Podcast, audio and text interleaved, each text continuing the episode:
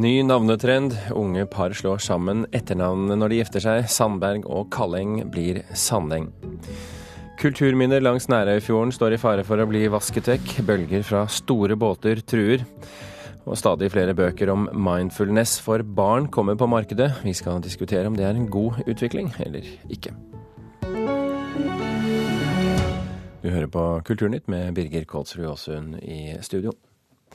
Unge par går bort fra sine familienavn og skaper helt nye grener på familietreet. Nye, ny navnetrend fører til kreative sammenslåinger, og f.eks. ble Sandberg og Kalleng til Sandeng.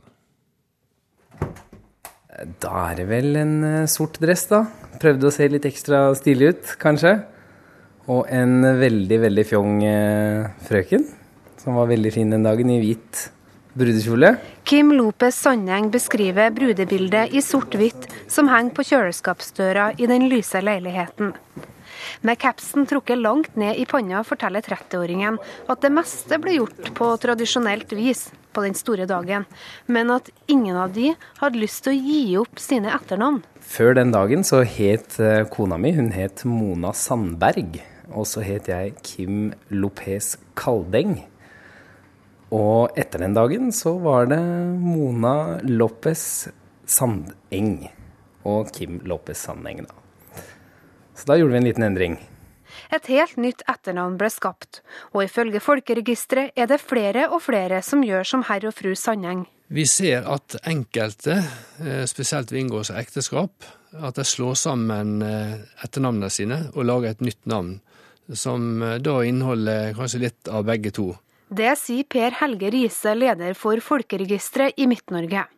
Pga. den liberale navneloven og at du enkelt kan endre etternavn bare med noen tasteklikk, har de nye og kreative etternavnene dukka opp i Folkeregisteret de siste årene. Kan det være sånn at folk syns det blir mye med to navn, og så ser de kanskje ved å skape sitt eget? Nei, jeg tror ikke det hadde vært noe for meg, men eh, jeg har liksom mitt navn, og det ser ikke for meg at jeg kommer til å bytte uansett om jeg er gifta meg eller ikke. Det blir liksom ikke, Da blir det ikke meg lenger. Jeg syns det er helt greit. Eh, jeg og min forlovede, vi skal, vi skal legge til et eget Altså et ekstranavn, da. Hvorfor legger dere til et ekstranavn? Jo, vi har lyst til å ha vårt familienavn, kan du si, da. Så jeg syns det er litt fint at vi har det samme etternavnet, men det er det problemet da, hvem er det som skal gi opp etternavnet sitt? Det syns jeg ikke er så bra, for jeg heter Larsen og min kjæreste heter Hansen, så det der kan ikke jeg se for meg hvordan det skal bli. ikke, det høres ikke helt bra ut. Nei. Hva, hva, skal du gjøre da hvis du gifter deg, eller? Ja. Da jeg kommer til å beholde mitt, eller så tar jeg hans. Vi må jo velge. Ja, vi blir jo Noen må jo legge ifra seg det de har. Så lenge etternavnet ikke er beskytta og at det fremstår som et navn, blir de aller fleste sammenslåtte navn godkjent. Det finnes ikke tall på hvor mange som har vært kreative, men ifølge Riise er det flest unge par som skaper nye greiner på familietreet. Og i familien Sandeng var det Kims mor som var mest skeptisk. Min bestefar, eller hennes fars navn, da. Så, og han starta vel det nytt den gang da. At det kanskje ble pakka bort litt tidlig. Men uh, som jeg sier, jeg ser ikke på det sånn. Jeg ser, for meg det, ser for meg det sånn at det er med videre. Tror du det kan bli flere som i framtida som slår opp to etternavn? Det kan godt tenkes. Eh, det er mange ting som skjer i dag, så loven er jo ganske liberal. Og så lenge folk er fornøyd med det navnet de har, så, eller får, så syns vi det er bra. Reporter her, det var eh, Kaja Kristin Næss. Ivar Utne, navneforsker ved Universitetet i Bergen. Hvorfor tror du Folkeregisteret nå ser en merkbar økning i eh, slike sammenslåtte navn? Ja, vi har vel sett en tendens i mange år nå med at eh, folk som gifter seg, eller er par, gjerne vil ha med begge navnene sine videre, og syns det er vanskelig å velge ett av de. Vi har hatt den trenden med at folk vil ha mellomnavn og etternavn f.eks. lenge, og vi har hatt dette med bindestreksetternavn. Og nå er dette en ny mulighet. At de kan ta litt av hvert og skape et helt nytt navn som ingen har fra før. Altså, det gjør det lettere å tenke slik at det, nå er det verken den ene eller den andre som har vunnet. Nå har begge fått muligheten til å få navnet med seg. Og eh, når det er slik, og de vil jo da selvfølgelig på den måten representere slektene på begge sider, ikke sant? Og, og det framstår jo som da, altså som jeg sa, et nøytralt navn. Men hvor unik er egentlig denne trenden? Uh, den er, uh, det er nokså nytt, og nå har ikke jeg fått sjekka fra i går kveld hvor, my hvor mye vi har av dette i Norge, men jeg har vært borti noen få tilfeller og kan da tenke meg at vi snakker om kanskje fem, tilfeller, fem eller ti tilfeller i året. Eh, dette er kjent fra USA fra noen år tilbake. Eh, og eh, også i Sverige har man kjent til dette noen år. Og noen, det er noen få som driver med dette og syns dette er en kjekk måte å løse dette med likestilling på.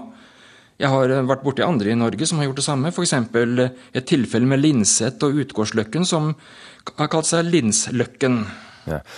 Var det lettere før, på sett og vis, da kvinnen bare tok mannens navn og ferdig med det? lettere og lettere. Altså, det var en annen tid. Da tenkte folk annerledes, kanskje. Men uh, det Og det er vel mange som kanskje tenker sånn at det er vanskelig å bryte den tradisjonen, men uh, ja, vet ikke. skal si. Det er, dette er en måte som passer til vår tid. For, for, mange av oss er det jo fremdeles sånn at eh, etternavnet forteller noe om hvor vi kommer fra, og, og, kanskje noe også om vår eh, identitet. Er det fare for at vi mister noe av dette på veien hvis, hvis dette, denne trenden brer om seg? Identitet er så mye. Altså, noen tenker at identitet det må være mange slektsledd bakover på akkurat samme måten. og andre tenker sånn at eh, de skal skape sin egen familieidentitet. Bare for sin familie her og nå. Og Det er jo sånn vi får inntrykk av når vi hører disse folka i innslaget også. De vil skape eh, sin identitet her og nå, og historie skapes hele tida, som vel en av de sa. Altså, Du må skape din nye situasjon, en ny tid. Og Det syns jeg er greit nok, og de har jo med seg rester av det gamle, kan du si. Og uh, I de siste årene har vi også sett folk uh, legge til uh, hva skal vi si, litt sånn rare og pussige ord til navnet sitt. Er det, er det en annen respekt for navnet nå enn det var før i tiden?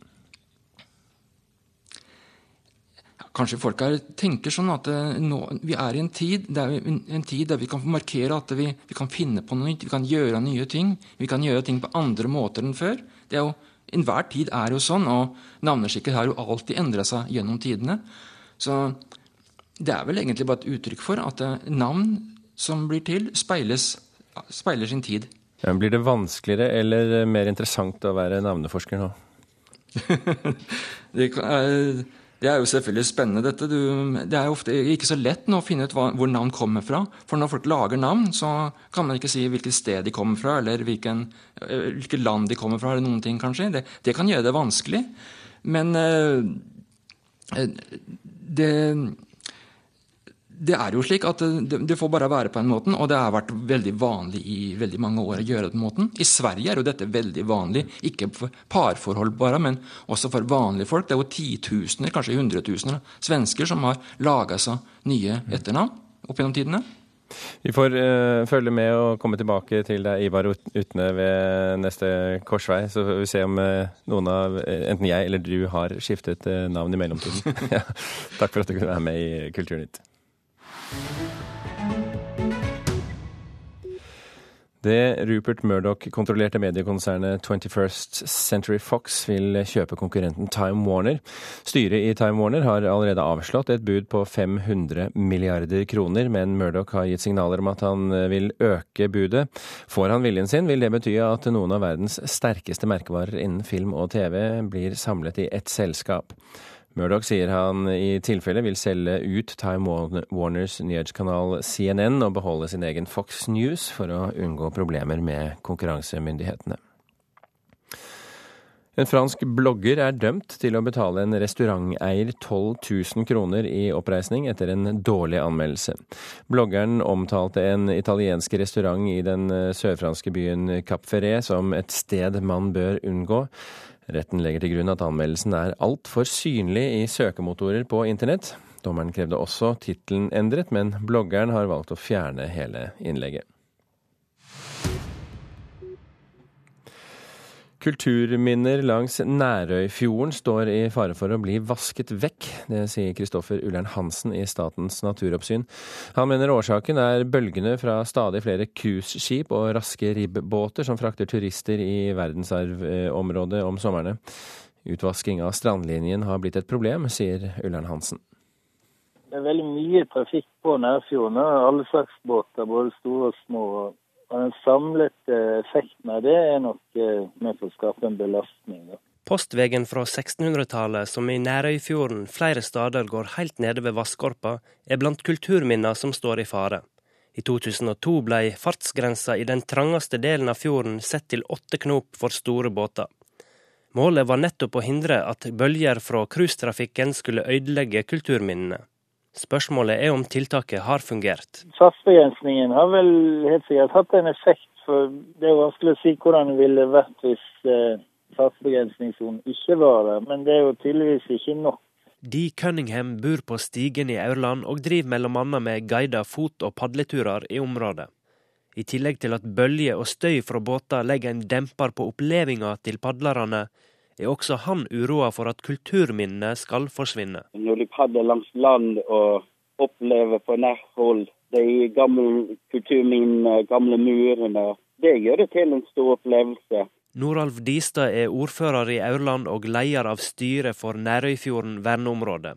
Han sier det nå er viktig å få fakta på bordet. Det er nok alltid en uh, naturlig erosjon. Så er det òg betydelig båtferdsel på, på, fjorden. Uh, det som vi nå legger opp til, det er at uh, det blir en gjennomgang av de skadene som er rapportert inn. Og så skal vi foreta en samla vurdering av situasjonen da på høsten. Saken, det var Halvor, reporter i denne saken, det var Halvor Farsund Storvik.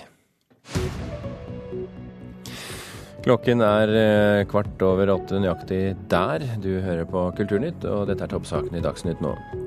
Hamas har gått med på et forslag fra FN om å innføre en kort våpenhvile fra i morgentimen i dag. Norge har pågående samtaler med islamistgruppen med tanke på en varig våpenhvile.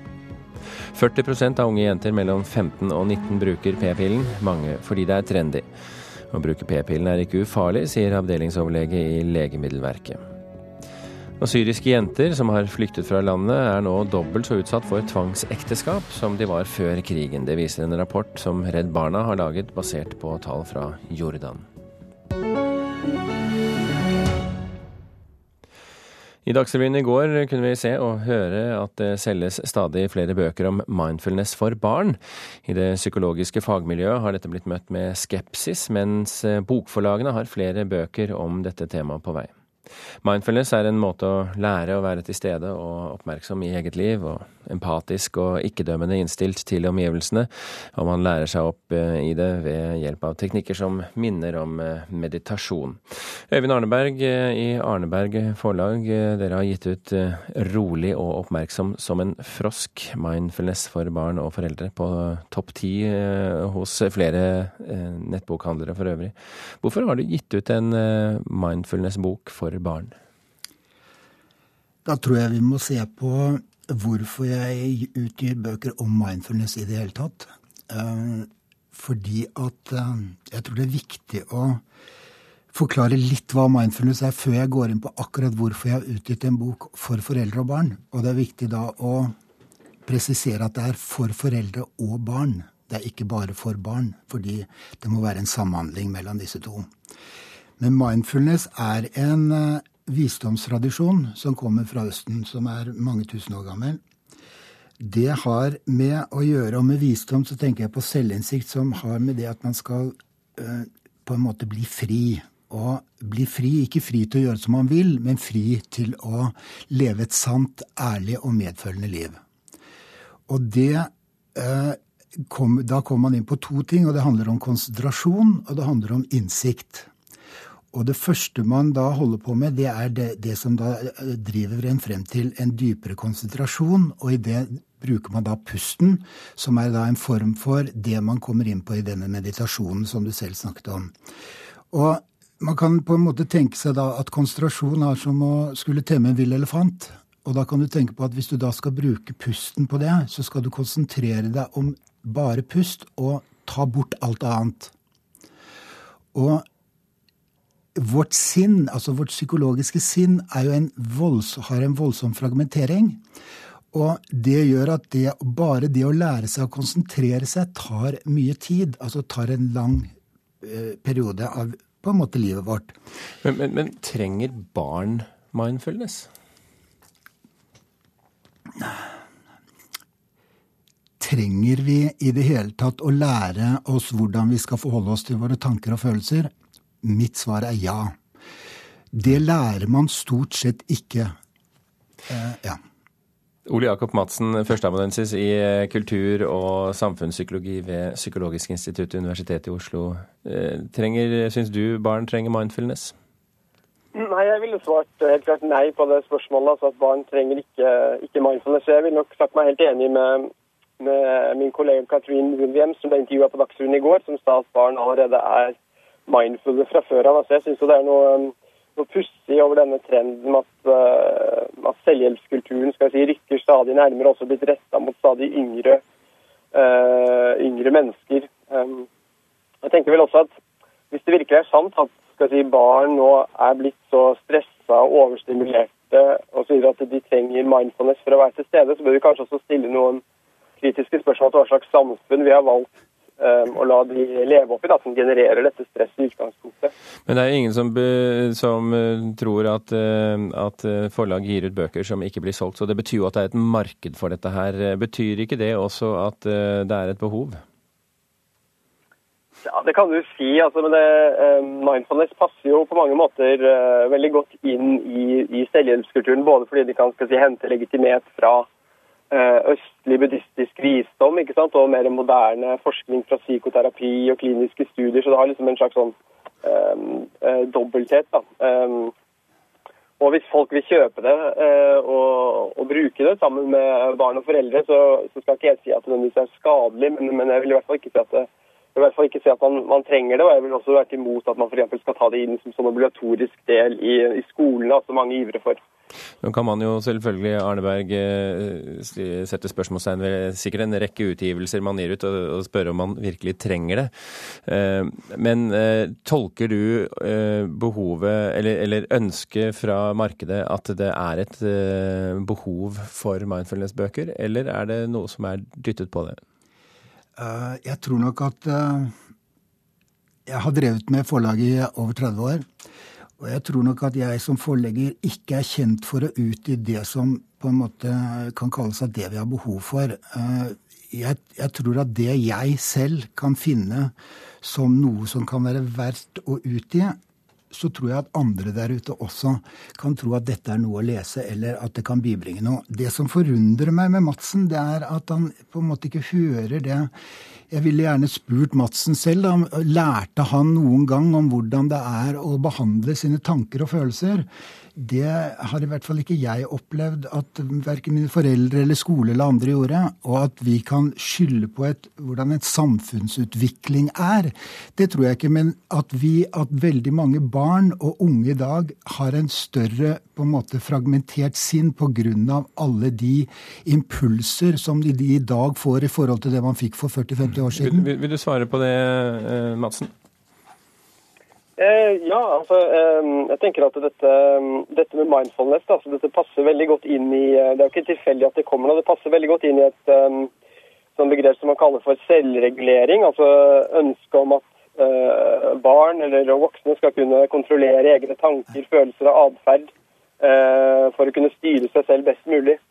Og flere kritiske røster mener jo det da at det da representerer en ansvarliggjøring da, av, av, mennesket for både sine suksesser og nederlag. Altså en sånn økt individualisering i samfunnet. Og Derfor syns jeg det er på sin plass å stille noen kritiske spørsmål. Jeg, jeg, jeg, jeg er dessverre nødt til, og jeg ser at dere skulle sittet her i en time begge to, men, men nei, dessverre Dette dreier seg ikke om å kontrollere noe som helst. Det er der Madsen tar fullstendig feil. Men videre uh, i den diskusjonen så får dere ta det ved neste korsvei. Det blir ikke her i Kulturnytt. Uh, Tusen hjertelig takk, Øyvind Arneberg og eh, Ole Jakob Madsen.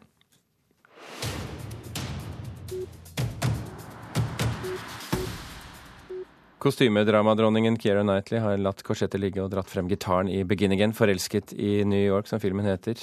Den har kinopremiere denne uken. Filmpolitiets Marte Hedenstad mener dette er en hjertevarmende romantisk dramakomedie om vennskap og musikkglede. So, this is a new song for anyone who's ever been alone in the city. Begin Again, forelsket i New York, tar for seg hvor personlig musikk kan være. Både for de som lager den, og for deg som hører på. Denne romantiske dramakomedien er et kjærlighetsbrev til musikken, som spiller på nøyaktig de rette strengene. I was having a nervous breakdown, and then I heard your song.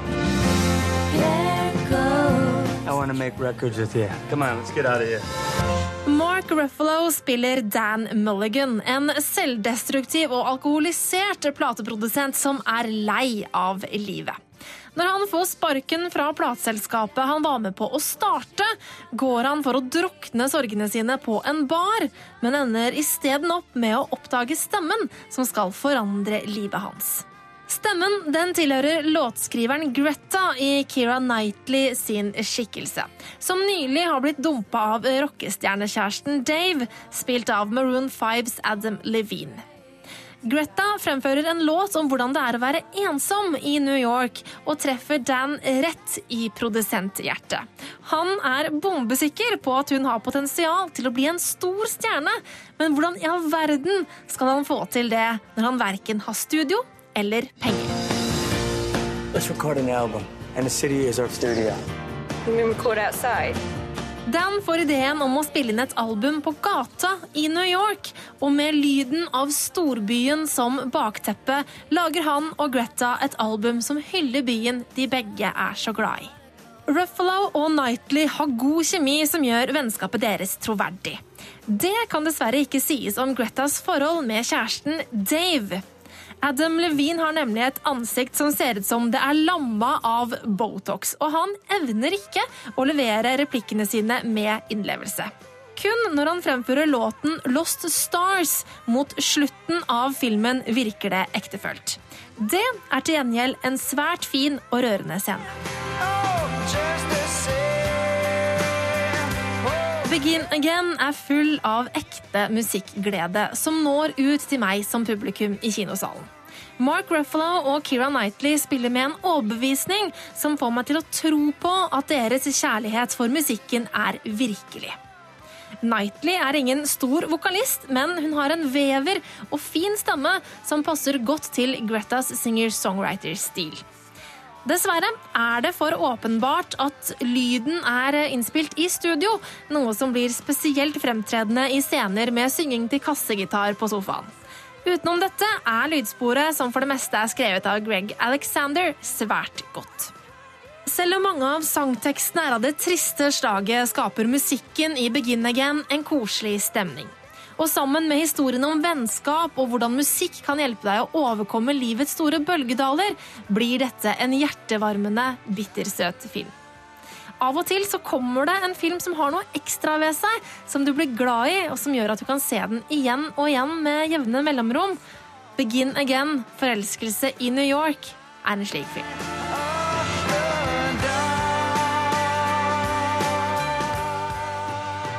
Her anmelder Marte Hedenstad. Flere anmeldelser av ukens kinopremierer finner du på nrk.no film. I Molde er det ikke så galt rent festivalmessig å bli gammel, for um, om du er blant de som er blitt for gammel til å gå på festival, så kommer mer enn gjerne festivalen til deg. Det er tomt inne på Glomstua omsorgssenter i Molde. Både pleiepersonalet og beboerne har benket seg i et festivaltelt på parkeringsplassen. En lang kolonne med minibusser vitner om at også andre institusjoner er representert på årets Gulljazzfestival. Mannen min var med og, og starta jazzklubben. Ja. ja. Mens noen har vært ivrige festivaldeltakere og jazzelskere hele livet. Første festivalene oppover, men ikke nå lenger, faktisk. Det blir for moderne. Vil Otta Remen snart oppleve livets muligens første konsert? Denne musikken er nokså ukjent for meg. Det, det er helt uvanlig for meg å gå på slike konserter. Men det, det er ikke den første jazzkonserten du er på? Jo, faktisk. Var i fjor. Ja, må huske bedre ord. Ja. Gulljazz er eh, jazzfestival på sykehjem. Det var Birgit Skogen.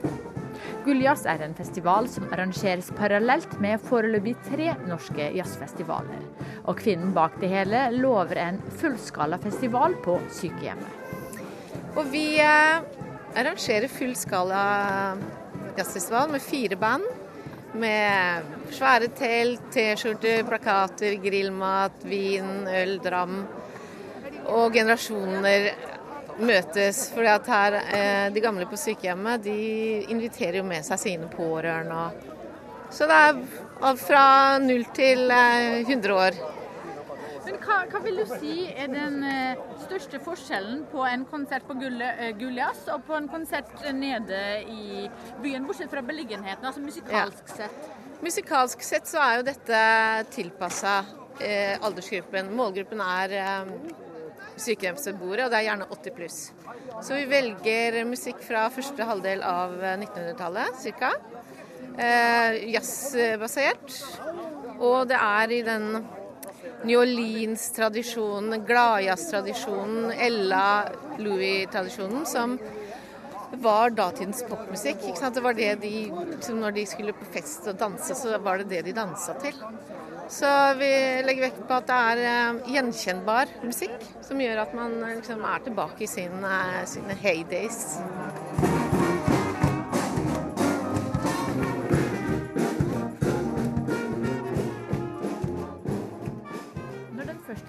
Marsjerer vekk. Og reporter i eh, denne saken, det var Sofia Parskiewicz. Vi runder av eh, Kulturnytt i eh, denne omgang. I dag har du hørt at stadig flere unge velger å slå sammen navn istedenfor å bruke dobbeltnavn. Og det er en trend som har pågått en stund, fortalte en vi snakket med. Reporter eh, Kulturnytt er slutt. Hilde Tosterud, Thomas Alvartein Ove og Birger Kålsrud Aasund takker for følget.